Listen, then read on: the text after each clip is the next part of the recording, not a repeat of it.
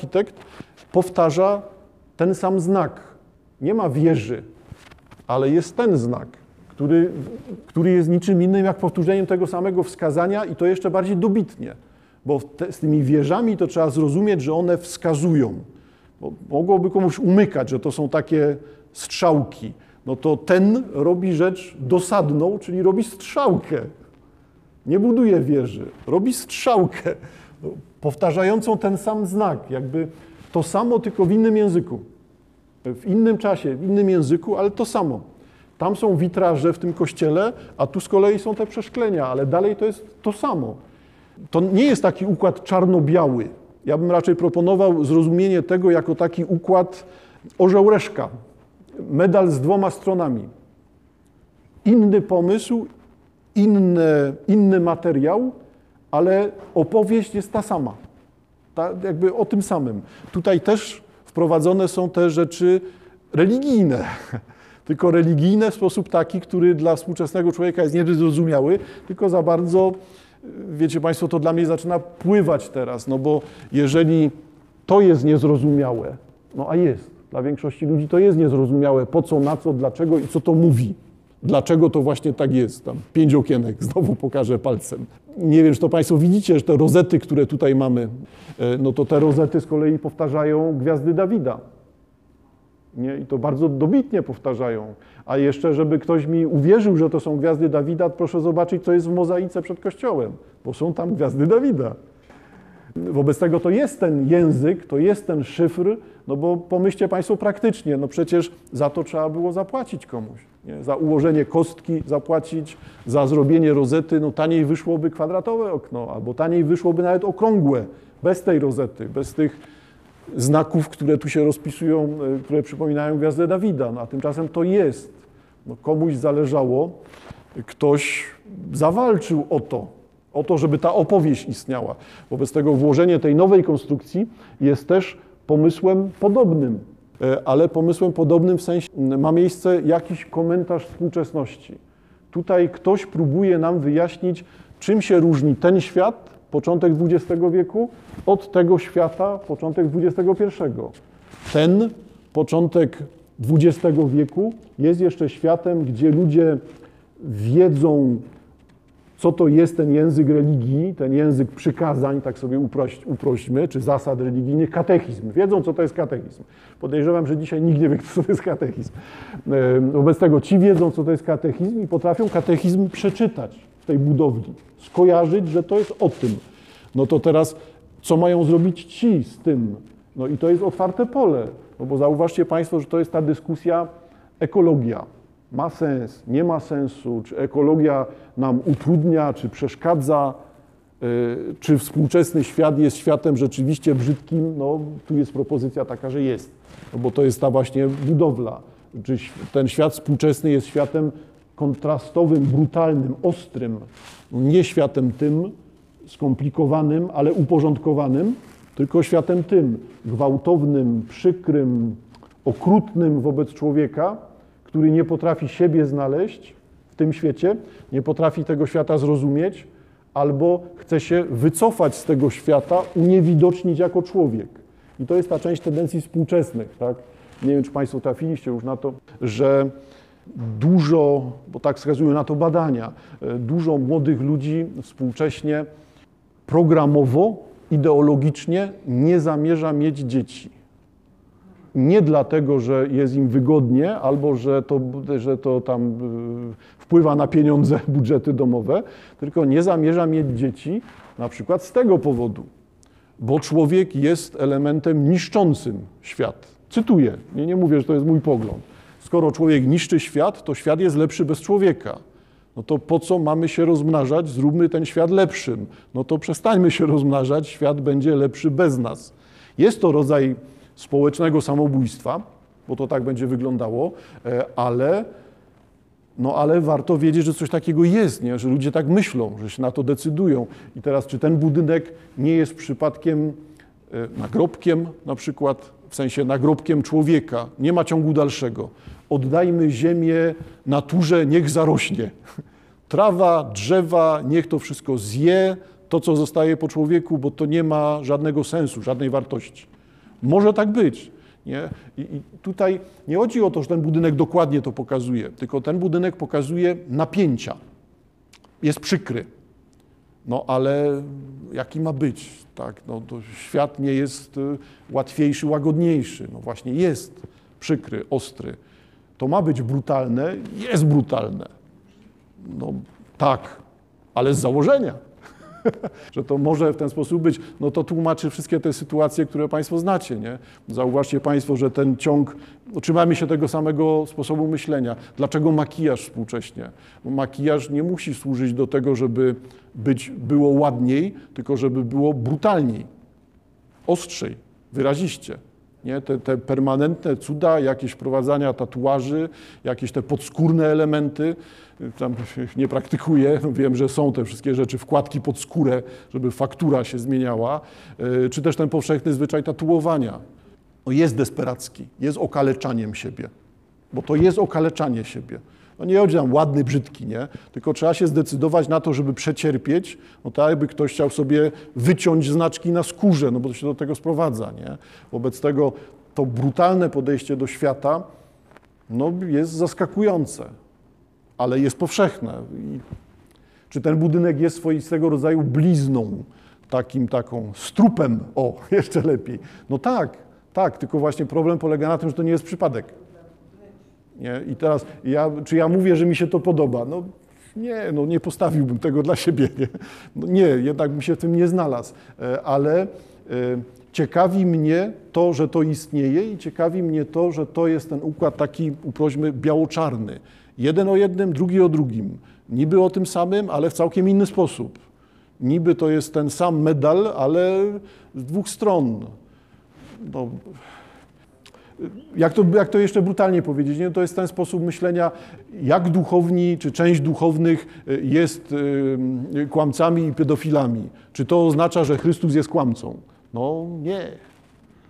Trzeba się w tym znaleźć, ale to jest koszmarnie przykre. Ale trzeba sobie z tym poradzić. Tak? Jakby nie, nie można udawać, że nie ma tego napięcia, nie? że tu się nie dzieje nic.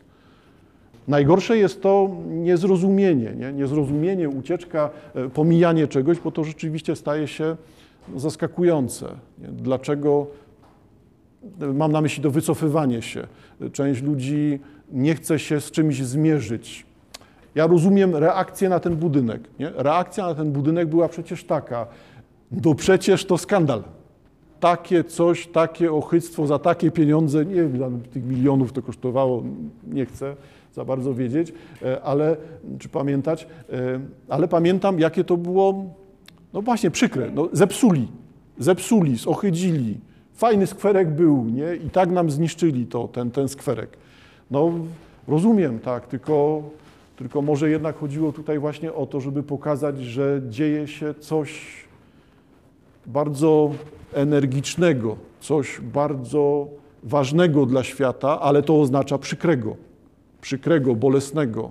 Nie? I ten komentarz może być właśnie taki. Że tu zderzenie, w dużej mierze zderzenie ze sztuką współczesną jest zderzeniem przykrym.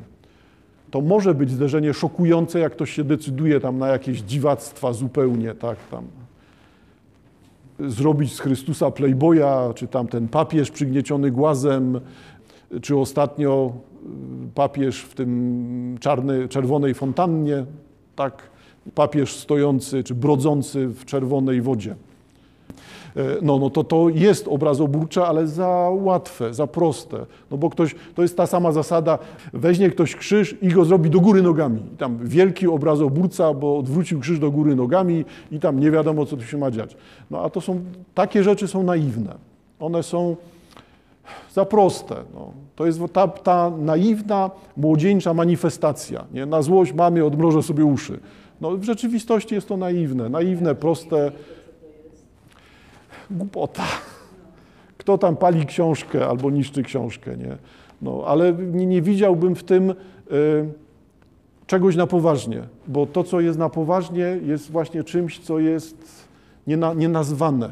Najbardziej boli to, z czego, czego ja nie potrafię nazwać, nie potrafię określić, o co chodzi. Męczy mnie to, czego sobie nie uświadamiam. Jakby rozumienie takich właśnie budynków jako takich znaków napięć, takich przykrych momentów rzeczywistości, czy pę- pęknięć świata, pęknięć rzeczywistości, no to pozwala na to, żeby rozumieć, że, no, że w takim świecie żyjemy, że to jest ten świat okrutny, okrutny, bezwzględny, dziwny. E, Proszę Państwa, dzisiaj ciekawa rzecz, i zaraz wytłumaczę z paru powodów.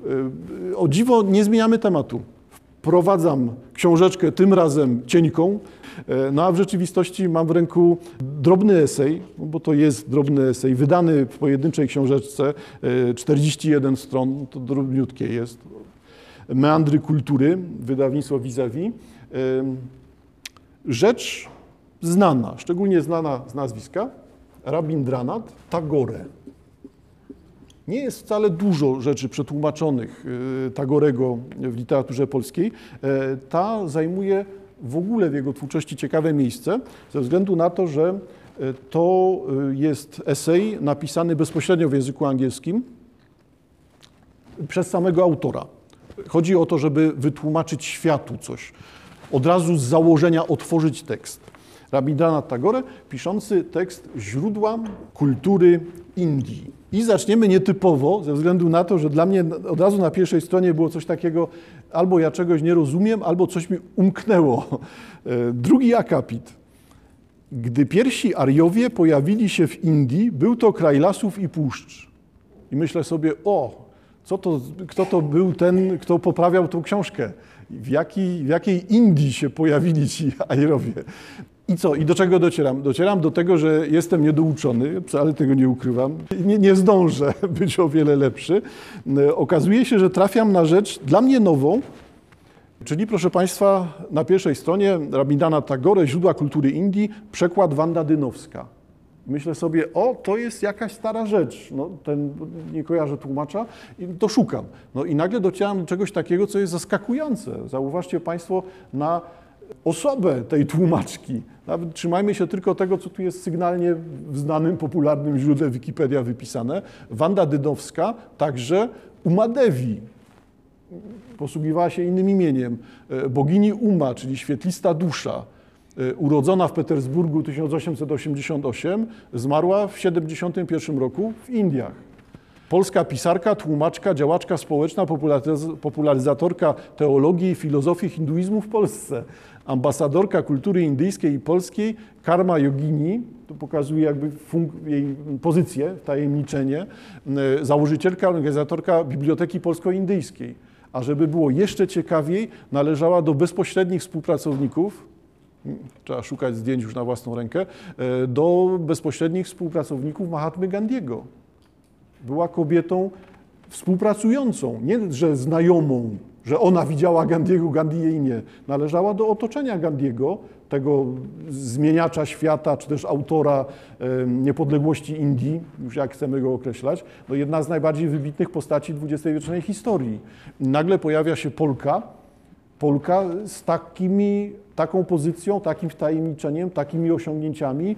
Dla mnie no, no, wspaniała rzecz. Szkoda, że odkrywam przy tej okazji, ale to nie, nie zmienia to tego, że oczywiście tekst Tagorego Tutaj mamy dzisiaj na pierwszym planie. Nie? Dla nas ważniejszy jest tekst Tagorego. E, O Wandzie Dynowskiej wspominam tylko jako o rzeczy ciekawej. E, Proszę przejrzeć, rzeczywiście warto sięgnąć do zdjęć, czy zobaczyć więcej rzeczy z jej biografii. Są duże osiągnięcia i na polu tłumaczenia, ale też właśnie na tym polu popularyzowania kultury indyjskiej w Europie. I do czego służy wobec tego, e, dlaczego na to wpadłem? Dlatego, że e, tutaj e, w latach powojennych pojawiła się taka zaskakująca zasada, w ogóle teraz będzie uwaga dla filologów, zaskakująca zasada, żeby rozróżniać nazwy Indie i India. E, I tutaj przez Indię rozumiano, to było, trwało tylko kilkanaście lat, ostatecznie uznano to jako archaizm, nie przyjęło się, ale lata 50., 60. w Polsce, e, Indie to nie jest państwo, to jest półwysep, a India to jest państwo. I dlatego stosowana tutaj zasada, pierwsi em, Ariowie pojawili się w Indii, a nie w Indiach. No i ten ciekawy trop prowadzący właśnie do Wandy Dynowskiej, muszę dłużej posiedzieć z Wandą Dynowską, to czytać trochę więcej.